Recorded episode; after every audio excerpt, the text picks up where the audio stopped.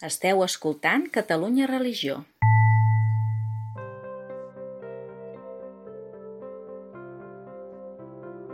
Benvinguts a la sessió de juny d'aquest curs del Club de Lectura amb fe de llibres. Com sabeu, és l'espai que tenim a Catalunya Religió per dedicar a comentar els llibres triats pels lectors que participen del nostre club. Avui comentem el llibre L'apicultor de l'Ep, de la professora i escriptora Christy Lefteri, i editat en català per columna. Pels qui no coneguin l'obra, que potser no és uh, molt famosa però val la pena, doncs llegeixo la sinopsi de la novel·la perquè ens fem una idea de, de què parlarem avui. Diu així, a Alep, la vida de Nuri i de la seva dona, Afra, és feliç junt amb el seu fill, Sami. Ell era apicultor i dedicava la seva vida a les abelles. Ella és una artista que ven quadres al mercat de la ciutat. La guerra ho destrueix tot i es veuen abocats a fugir. Aquesta és la novel·la eh, que explica la història del periple de fugida d'aquest matrimoni des de Síria i fins a Anglaterra, que és on els espera alguns familiars i alguns coneguts. Així que obrim micròfons, ens podem fer una idea del tema de la novel·la, que no és precisament molt agradable, però és un tema social i d'actualitat, malauradament, i preguntem als membres del club, com ja sabeu, doncs, què ens ha semblat, què, què pensem d'aquest llibre. Vinga, endavant. A mi em va cridar l'atenció el títol per dos motius. Un, la ciutat d'Alep, Síria, i després perquè eh, també eh, per qüestions eh, familiars i d'amistats conec una miqueta el tema de l'apicultura. Però, és clar, el, la trama de la novel·la no és, no és l'apicultura, sinó la fugida de persones que per raons bèl·liques han de deixar casa seva. No? Aleshores, el títol em va cridar l'atenció, però ja quan vaig llegir la, la sinopsi de, del llibre, el resum, doncs ja em va, ja em va agafar més, no? Perquè és una novel·la, però és una novel·la que, que vaig llegir que l'autora, eh, en un camp de refugiats a Grècia, va conèixer persones que fugien de Síria i, per tant, és una novel·la basada en fets reals. I això és el que ja, llavors ja em va, ja em va frapar i ja, ja va fer que, que comprés el llibre i el, i el llegís. Mm -hmm. Me va costar, al començament, me va costar molt. És molt dur, eh? I, a més a més, les guerres és que són molt dures, eh?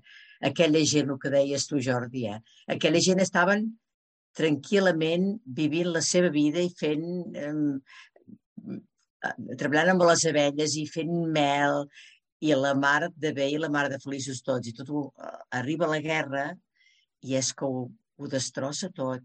I aquell patiment i aquelles morts, silenci, és dur, és dur, és dur. Jo trobo que és un llibre... L'he llegit cap a la meitat, una mica més de la meitat, poder. I m'ha costat molt. M'ha costat perquè trobo que és molt dur, encara que sempre hi ha aquest punt de sortir-se, d'anar endavant jo també, no? Però és dur.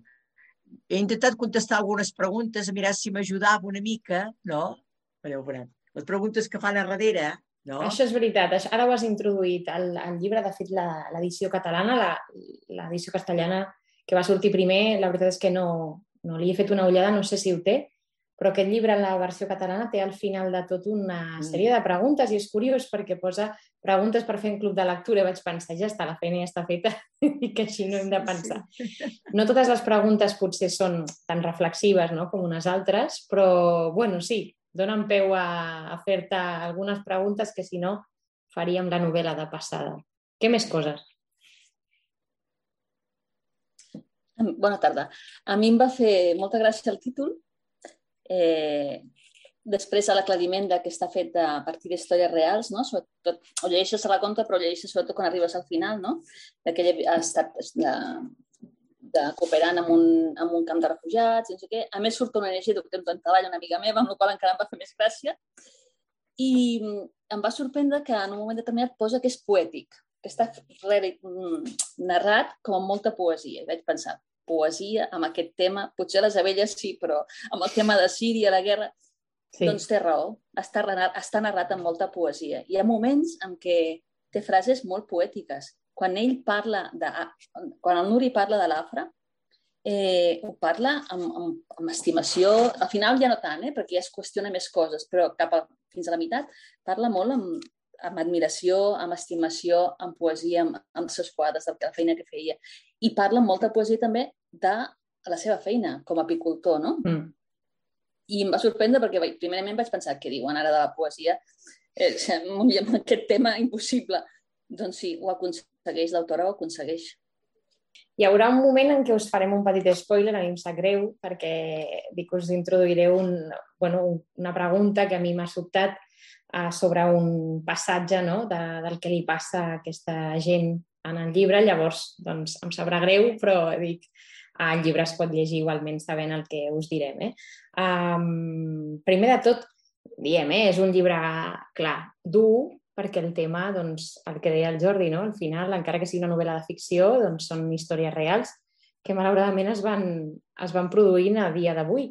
Tot i que si pensem en els camps de refugiats d'Atenes, que ho teníem tots dins les televisions, no? cada dia les telenotícies, això ha anat a la baixa, però no vol dir que no, no continuïn arribant persones doncs, desembarcant en llocs precaris o que les ONGs de salvament que hi ha al Mediterrani i altres llocs doncs, continuen treballant i ens consta, encara que no surtin. No? Doncs, penso que la, la part bona d'aquest llibre és que no només parles del relat d'un camp de refugiats, sinó que centres la mirada en un matrimoni, en aquest cas molt en el Nuri, no? que és l'home d'aquest matrimoni, mm, aquesta visió que segurament podem notar que molta gent ha viscut, però des d'una visió concreta, no? i no, no expliques el relat que podria ser la vida en un camp diàriament, les penúries, etc.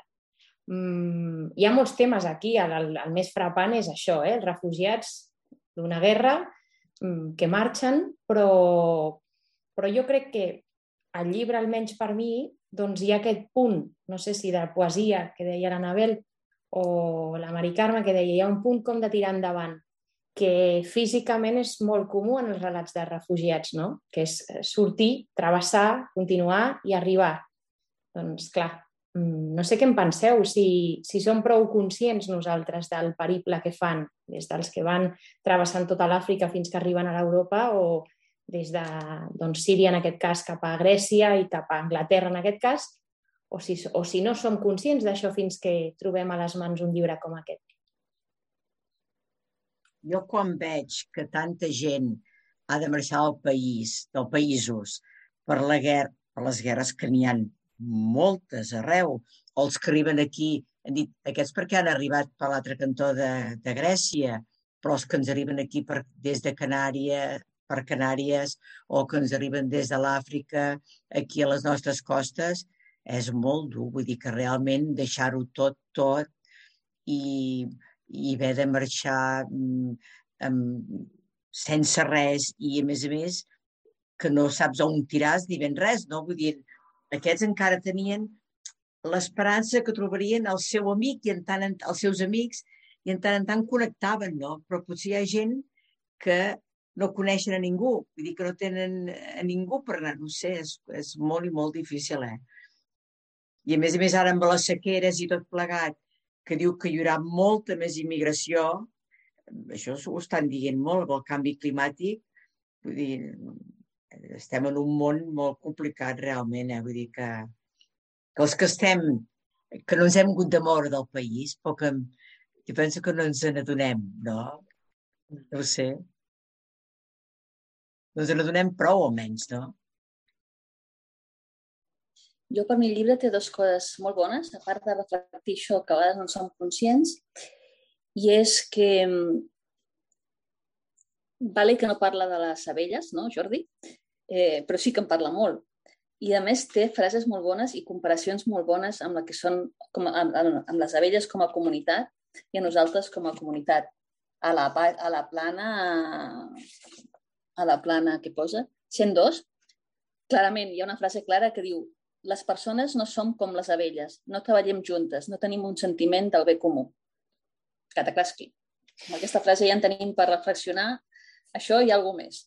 I l'altra cosa, que sí que potser és fer un spoiler, eh, però em, em sap greu, com diu, com diu la Glòria, però eh, no, no explicaré res, però hi ha una, un fet que no sempre s'explica amb aquests temes i menys quan s'escriu, és que durant tota la novel·la eh, aquest matrimoni, ell va parlant amb un fill que es diu Mohamed i que no és el Sami, el, su, el su, ja no surt Sumi. Sumi sí, no? sí, Sami, Sami, jo crec que sí. Sami, Sami. Sí. Eh, i, I tu el veus com a real, i ell el veu com a real. Puc continuar o deixo així oberta la interrogant? No, és No, jo real, que cal- és, sí, és, sí. posttraum- és un, un tema d'un estrès Posttraumàtic. que ell necessita recu- ne- necessita posar ordre en la història que ha viscut, en la història de la mort del seu fill i ho viu d'aquesta manera. Igual que la ceguera de la seva dona, no? No hi ha cap motiu perquè, es- que, malgrat l'explosió de la bomba, no hi ha cap motiu perquè es quedi cega eh, i està cega pel mateix motiu, no? perquè, perquè els hi maten el fill.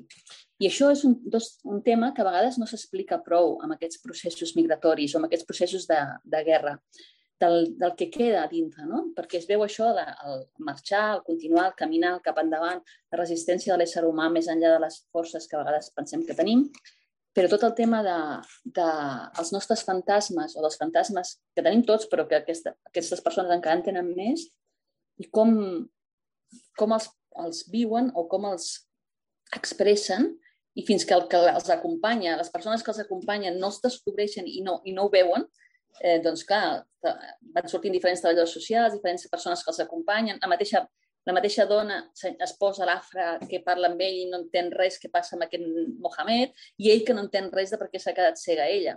Fins que no, fins que arriba un punt en què això explota i, i la realitat és que, que no és més que, un, que una reacció a la tristesa, a l'angoixa, a la por i sobretot a la tristesa de la mort del fill. Jo crec que aquí hi ha el punt bo, o sigui, bo, hi ha molts punts bons de la novel·la, però com a escriptora, eh, penso que quan diem sempre hi ha novel·les no, molt, molt investigades, de dades, no, d'algun context històric, doncs la gent ha documentat molt el procés, es nota com era i tal, però dic aquí es veu que la persona ha conegut les persones que han viscut aquest patiment, perquè jo he de dir, mm, he tingut la gran sort de no haver de conèixer, diríem, persones que hagin passat un patiment tan gran, però sí que coneixes històries pel que hem pogut sentir tots, no? de, de, de periples complicats. Però sí que te n'adones, almenys al principi de la novel·la, jo estava convençudíssima de que aquest nen, el Mohamed, eh, bueno, era un nen real i de, de veritat que jo pensava, mira, mm, aquestes coses obertes que et deixa la novel·la, no? vas avançant capítols, deia, s'haurà ofegat quan han anat a la barca i pues, ara ho veurem. Després, quan arriben al camp, vaig pensar mmm, aquest nen ha fugit, mm, no sé per fer què. I tercer, l'han raptat, coses d'aquestes. En cap moment jo vaig pensar que era un nen imaginari.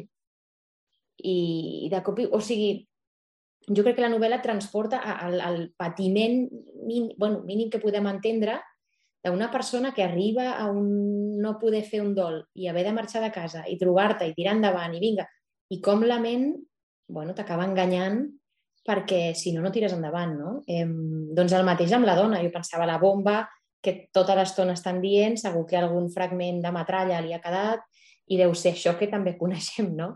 Doncs no. Um, I mira que ho hem vist en pel·lícules no? d'estrès de, posttraumàtic, però està ben explicat. Eh? La novel·la no... No sé, a mi m'ha sobtat perquè dic o sóc molt ingènua o jo en cap moment he pensat que era això fins que t'ho trobes, no? I està molt bé. Això que expliques, jo crec que un dels perills que sempre diuen dels èxodes de persones i de, dels traumes és el que vindrà després. Sempre hem parlat aquí, no? també de la llarga caminada, l'acollida inicial, la urgència. Per això dic, la guerra de Síria encara continua, no ha acabat eh, i d'això ja no n'hem parlat. Els camps de refugiats encara hi són. La gent doncs, ha de marxar de casa, suposo. Qui no ha marxat a l'inici haurà acabat de marxar perquè per, si no són per sequera serà per fam i si no per persecució. I clar, què en fem de tot això socialment? Hi haurà un col·lectiu de gent i generacions que arrossegaran aquest estrès posttraumàtic que potser no mai ningú um, ho veurà.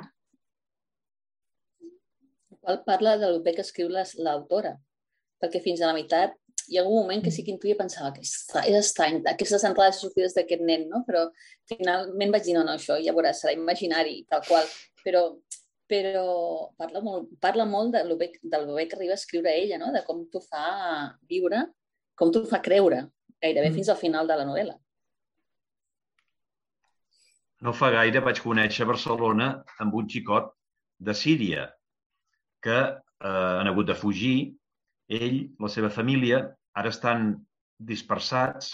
La mare i un germà estan a Iraq, un altre germà està a Alemanya i ell ha vingut a parar a Barcelona. És clar, quan parles amb persones que han viscut de primera mà eh, situacions d'aquestes, que malauradament no són noves, perquè al llarg de la història ha sigut un continu.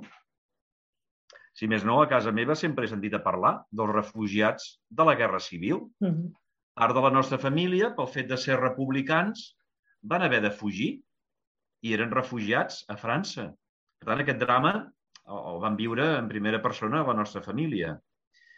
És clar, aquest xicot de Síria, ja sé que les comparacions són odioses, però ell em deia, tot el drama que estan visquent ara a Ucraïna, ningú se'n recorda de Síria i, i dels altres països del món que estan en situacions semblants. No? Mm -hmm. Clar, i, i potser té raó. Potser té raó perquè sembla que, que Síria ja no existeixi i, i els altres països del món ja no existeixen, el Yemen, per exemple, i en canvi ens hem abocat, que està molt bé, vull dir, lògicament, no? a acollir a refugiats eh, d'Ucraïna. No? però que aquest drama, malauradament, continua sent vigent. No? Hmm. Sí, de fet, quan, quan vam comentar el llibre de la llarga caminada, us en recordeu que parlàvem també de l'acollida no? dels refugiats i la, la Nabel també va fer aquest, aquest posat, també va fer un article d'opinió al seu blog que té a Catalunya Religió, doncs explicant això, no? Per què uns sí i els altres no? I és claríssim com deu sentir-se una persona que, doncs, com, els, com els testimonis d'aquesta novel·la, no? com els protagonistes, que demanes asil i deu ser una angoixa molt gran. Dius, què estem demanant? On em portaran? Si em diuen que no, què faré amb la meva vida? No? Mm, bueno, hi ha molta gent que deambula pels carrers i justament aquest matí també es presentava l'informe anual dels resultats del CIE de la zona franca, com n'hi ha d'altres a l'estat espanyol, on, on això hi ha gent que potser per, pel sol fet de no portar documentació perquè no li donen, doncs el paren al carrer i, i a la presó, no? i pitjor inclús.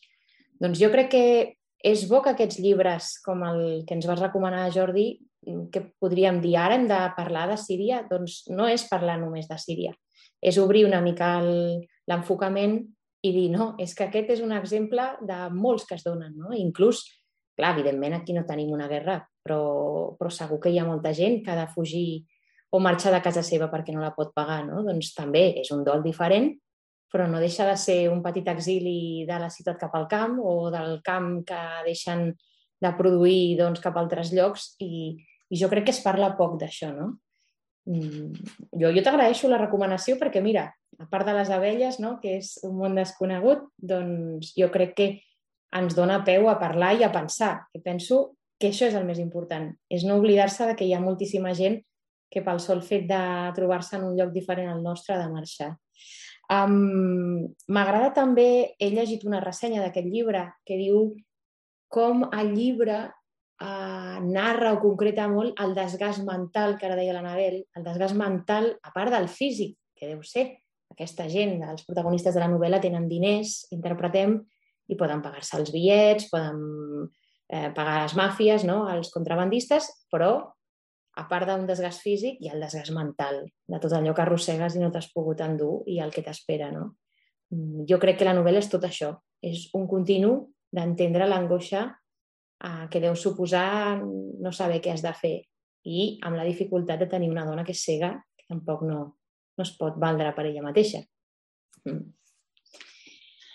Jo he apuntat una sèrie de temes per allò que dèiem d'eixamplar una mica la mirada, perquè més enllà de parlar de la novel·la, que està molt ben feta, a part de, també d'un recurs que a mi m'agrada especialment a les pel·lícules, però que en novel·la costa una mica d'entrar, de, però que fa molt, que són els flashbacks. No sé si us heu adonat que els flashbacks els introdueix la novel·la, almenys l'edició catalana, amb uns dibuixos i unes paraules que la, potser el primer capítol penses, això ara què és? I has de girar la pàgina anterior per dir m'he perdut alguna cosa doncs és un recurs que a mi m'ha semblat estilísticament molt, molt bo i també et va transportant a entendre la motxilla que porta aquesta gent, no? perquè el viatge s'inicia no des de l'EP, sinó que ja hi són en la pensió d'Anglaterra, però et va com construint a partir dels flashbacks aquests mentals que té um, el Nuri, que és el protagonista de la novel·la, l'home d'aquest matrimoni, i vas entenent a poc a poc que aquestes parades dins del llibre són això,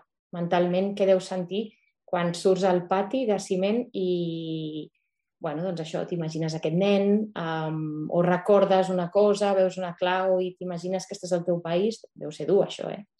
De no saber al final quina és la teva realitat. Doncs dels temes que us deia, hi ha un que jo he apuntat, que n'hem parlat alguna vegada, és de l'absurditat de vegades dels processos d'acollida de les persones que venen de fora. Aquest procés tan absurd de seure amb una persona que desconeixes i li has d'explicar la teva vida, que potser no has tingut moment ni per parar a pensar d'on vens, ni el que t'ha passat, cultures diferents on certes coses no es parlen i davant tens una persona que ha de decidir sobre el teu futur. No sé, l'Anabel potser que treballa en el món més social, ha tingut contacte, doncs, què en saps d'això? Si el procés d'acollida també en el nostre país és una mica també rocambolesc a nivell burocràtic. Uh, la burocràcia que dèiem quan, en algun moment és, és molt llarga, molt llarga, molt dura i no ha canviat amb els anys. Però amb els processos d'acollida, amb els processos de, aquí, de serveis socials del dia a dia, sense anar a cap acollida, papers, papers i més papers i explicar sempre la mateixa història i repetir-la i quan és amb una persona és amb una altra. I no parlo de funcionaris públics, eh? perquè per desgràcia les entitats socials, que és on jo he estat treballant, com que ens, de, ens devíem a les entitats, al, al final et deus al, al tema públic també, doncs és el mateix procés. I és molt dur per la persona i a vegades fins i tot interroguen, perquè deien una altra vegada, una altra vegada haig de portar el DNI o el passaport o, o el document que no tinc perquè l'he tancat perquè no em poguessin identificar ni saber de quin país vinc o l'edat que tinc. I una altra vegada explicar la meva història i parlem molt de la intimitat de les persones i del respecte a la història de cada persona, no? que s'està treballant molt ara amb el tema adolescent per diferents causes, no? la teva vida, la teva, la teva... però no tenim gens present quan parlem d'aquests processos perquè han arribat a explicar la vida fins a la infinitat a qualsevol persona que els pugui ajudar. A vegades no tenen més remei i a vegades perquè entenen que si ho expliquen, igual aconsegueixen alguna mm. cosa més. Però clar, d'intimitat zero. Zero. Perquè, perquè quan algú intueix que s'amaguen cosa, rebusquen, perquè clar, no saps, més avui en dia, no? qui estàs ficant a casa o qui estàs ficant en aquella entitat o en aquella associació o, o, o, o el nostre país. Mm, I per mi és una tristesa, perquè quan coneixes algú de fora, de fora en el sentit aquest de tipus refugiat o, o d'acollida o d'asil o, o és igual, amb un jove en situació de risc que has de donar-li un acompanyament cap a alguna història, cap a una casa d'acollida, cap a una feina, cap a uns estudis, cap a respectar el seu silenci és molt important. Respectar el que et vol explicar i el que no també és molt important. Però a vegades no ho pots fer. Com a educa... jo, jo soc educadora, eh? Com a educadora no ho pots fer perquè has de poder descobrir perquè et preguntaran i perquè has d'acabar omplint uns papers amb la seva història. I, I ara, com a voluntària, tinc la gran sort de que em puc esperar. Llavors, puc esperar que m'ho vulguin explicar. I fas preguntes amb tota la delicadesa i si volen i les fas per proximitat o per poder-los ajudar. I si no, no les fas. I t'esperes i estàs un dia i un altre dia i parles del futbol o parles del macramé, és igual, fins que algun dia t'expliquen eh, i, i entens per què no t'ho volien explicar o per què és aquell moment en que t'ho expliquen. No? Mm -hmm. Però és molt difícil, els papers, la burocràcia se'ns menja. Se'ns menja, és molt lenta i a vegades més complicada. Eh, en situacions de regularització, quan estan tan contents perquè els han ofert, tot i tot, ai, tot els han perdó, otorgat la, la regularització, tot i amb aquesta bona notícia, la segona frase que et fan és sí, però ara em demanen, dius, però si ja t'han dit que et regularitzaran, què et demanen més? Eh, em trobo en aquest moment en un poblet de la província de Terol i aquí vaig viure de prop el cas d'un noi marroquí que va arribar en pastera a Espanya després de passar set dies en alta mar sense aliments i sense aigua, bevent només aigua del mar. Bé, doncs, per circumstàncies va, va venir aquí a, a aquest poble. Va ser detingut per la policia com que era irregular, li van posar una multa de 1.000 euros. La qual cosa trobo tan absurd. A veure, si és irregular, doncs agafeu-lo i feu-lo fora, no? Però el que no pot ser que li exigeixis que et pagui 1.000 euros. Vull dir, això que deies de la burocràcia, eh? Vull dir, hi ha coses que no entenc. Bé, ens estem potser marxant del, del tema no, de, no, no, no. del és que al llibre. final està tot molt enllaçat, eh? Jo el que, volia, el que volia dir del llibre és que reflecteix també el, el gran drama i el problema de les màfies, no? d'aquestes persones sense escrúpols que eh, se n'aprofiten de la desgràcia dels altres. No? En el cas del llibre, que fins i tot, eh, vull dir, són, són moments molt durs i molt cruels, quan ell, per poder treure's uns diners, per poder pagar la màfia, per, perquè li, li, els, els portin eh, en l'avió no sé què, doncs eh, ell s'ha d'absentar de casa i, i en un moment donat, quan torna, se n'adona que han violat a la, a la seva dona, no? Però que aleshores hi ha, hi ha un gran silenci. Vull dir, Mm. Aquest drama realment és, és, és impactant, no? És, és molt impactant. De fet, hi ha, hi ha un... Sí, el silenci del llibre jo crec que és un silenci real.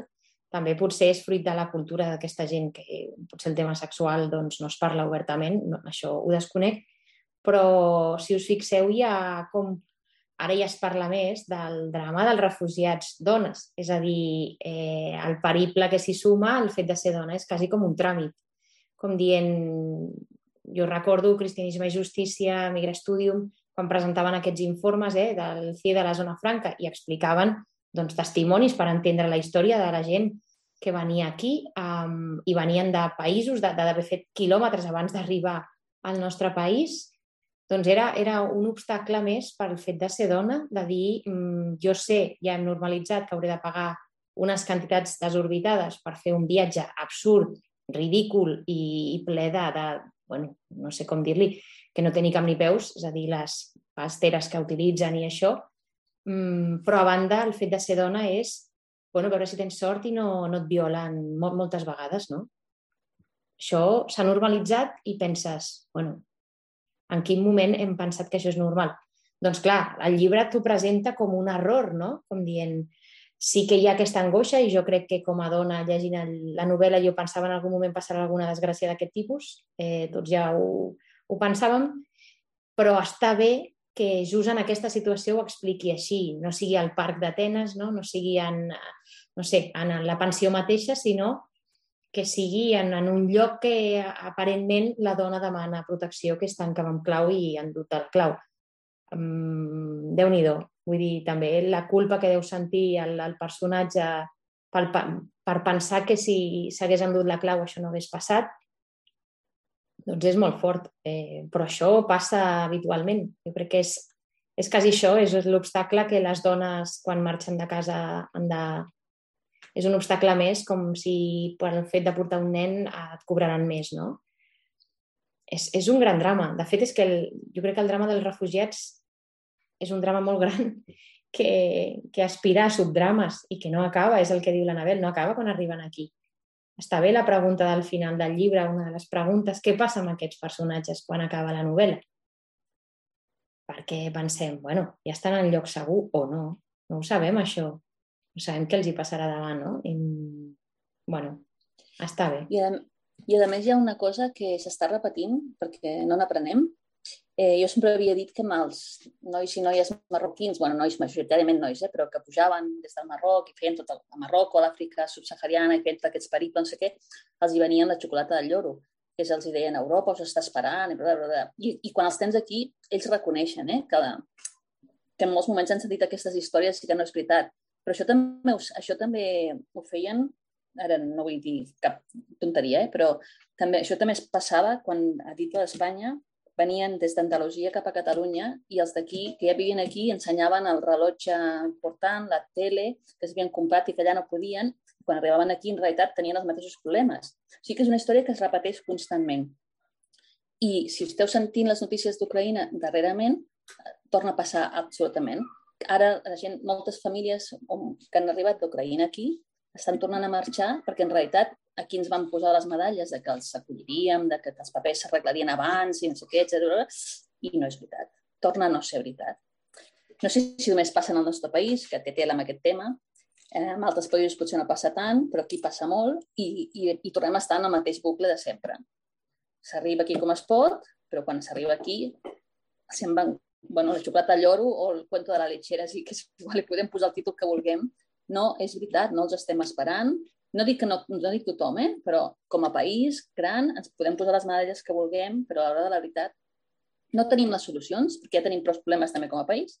Eh, no tenim les solucions, coses que podrien ser molt fàcils les fem molt, molt complicades i, i en aquests moments, doncs, per exemple, els últims que hem vist de refugiats, no? que són els ucraïnesos, estan marxant ja cap a altres països, que, els, que, que, que igual trobaran el mateix problema, eh? però ara per ara també els han dit que allà estaran millor i estan marxant cap allà. Interrogants, molts interrogants que no, no ens teiem de sobre. I amb això de les màfies, doncs un, un contacte en aquest país eh, fals que et dona la regularització, penseu que va al preu de 3.000 i 4.000 euros déu nhi Si no tenen eh, els papers eh, amb nacionalitat aquí, no poden treballar. Jo que ahir eh, m'ho deia una, una tia d'una persona, una nena que deu haver arribat ara de 20 i pico d'anys, diu, tindríeu feina. Dic, primera cosa, és important saber quina informació, què hem de fer, com, com podem fer per regularitzar, perquè poder és tan complicat, que en sabem prou nosaltres. Necessitem un tècnics que ens ho expliquin perquè vagi al màxim de ràpid possible, perquè és clar que els tenim aquí, tenen 20 anys, bueno, aquesta, concretament aquesta de 20, però n'hi ha molts, de 20 i totes edats, no? I llavors, és clar, no poden ni treballar, ni poden res, perquè mm, els que, llogar-los no pots si no, no, no són del país. Ja és tot tot això que dius de la burocràcia és que és tot molt i molt i molt complicat. No? Vull dir que... Mm. I segur que necessitem persones per atendre. Jo veig que, per exemple, els avis, la majoria de gent els, eh, els estan atenguent noies joves, de, més que res d'Amèrica Latina, no? Vull dir, la majoria. Vull dir que hauria de ser tot com molt, això que dieu, molt més, molt més àgils i molt més ràpid, no? Perquè I, uns i... necessitem els altres igualment. Ja que estem aquí, doncs tot, tot plegat hauria de ser mm, en benefici de tots, no? Que tots iríem molt, mi, molt millor, no?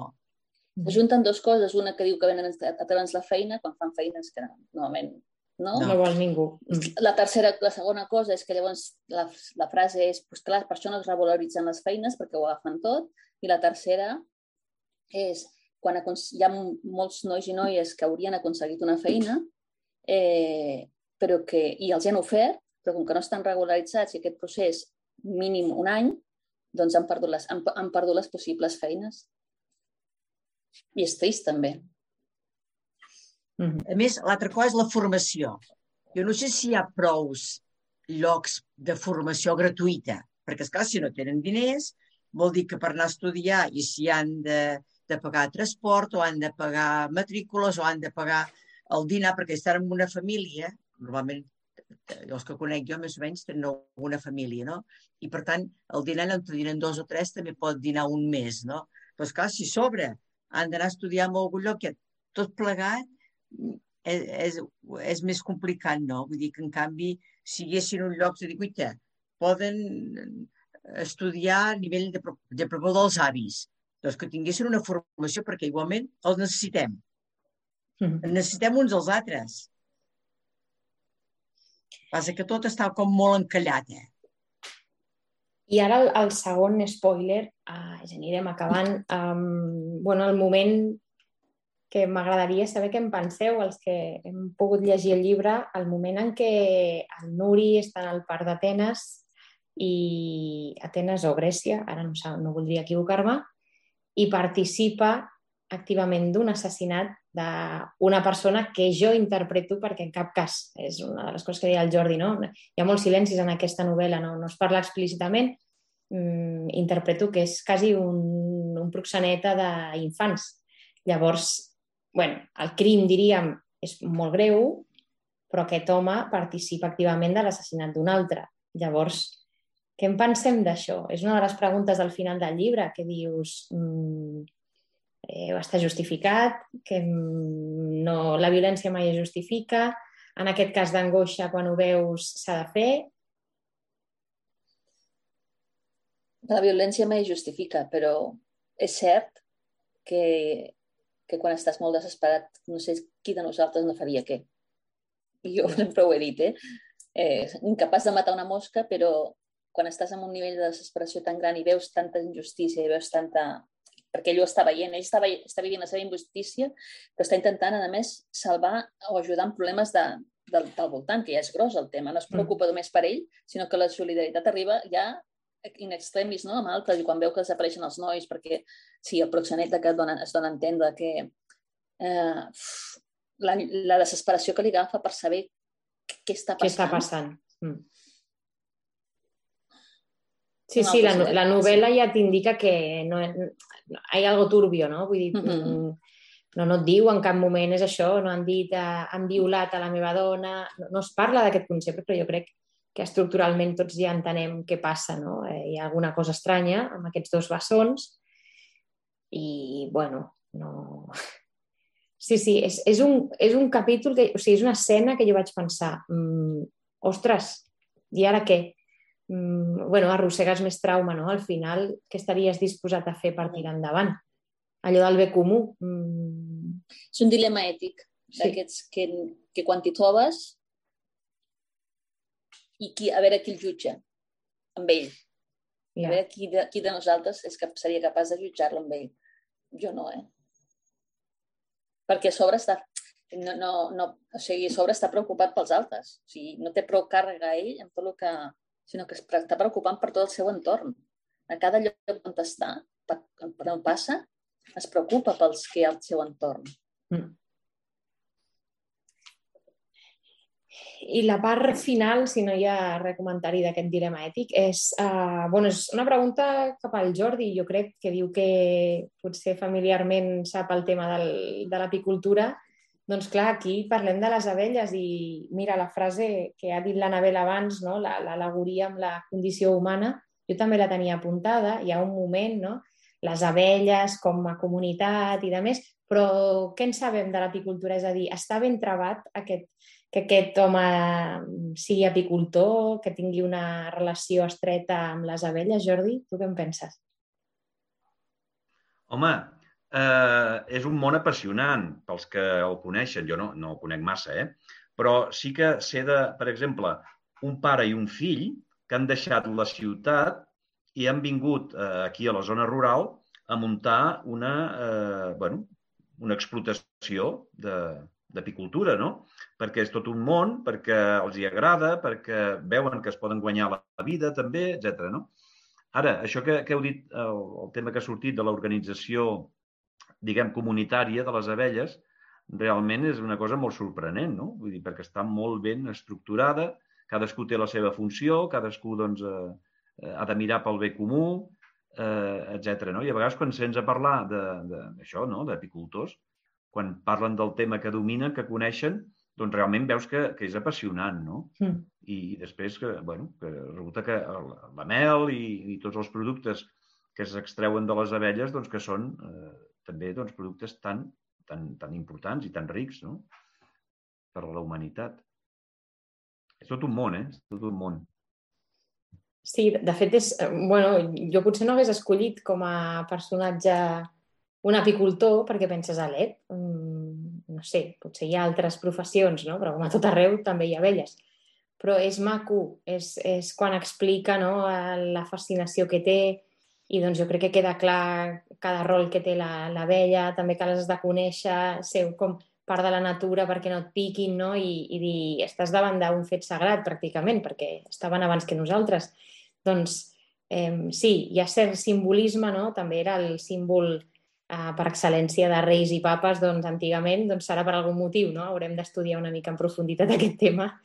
Jo, he de confessar que les abelles em, em produeixen cert recel, però, però és cert que són importants i quan algú t'explica amb passió aquest món, doncs per algun motiu no? eh, les devem tenir.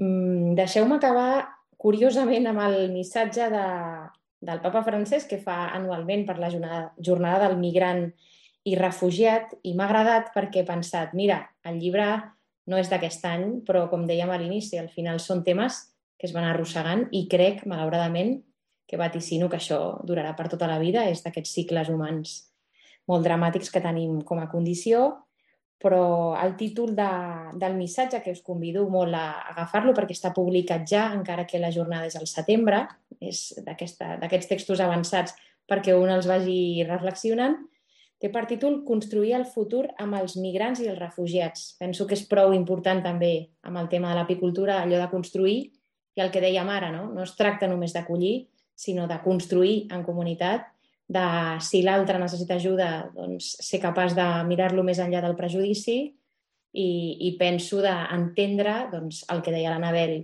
el silenci que necessita, la distància que potser necessita en aquell moment, la motxilla que porta cadascú i oferir el que tenim, que al final no deixa de ser temps, escolta i, i jo crec que amistat. Així que moltes gràcies a, a vosaltres per participar en el Club de Lectura ha estat molt interessant. T'agraeixo, Jordi, també la recomanació del llibre. Així que us convido que si teniu recomanacions me les envieu perquè d'alguna o altra manera les farem encabir amb el nostre podcast d'en Fe de Llibres que tenim a Catalunya Religió i només recordar-vos que a la sessió del juliol intentarem convidar a la Míriam Hatibi perquè pugui ser amb nosaltres per parlar del seu llibre, Mira amb els ulls, i que esteu molt convidats a apuntar-vos a la sessió.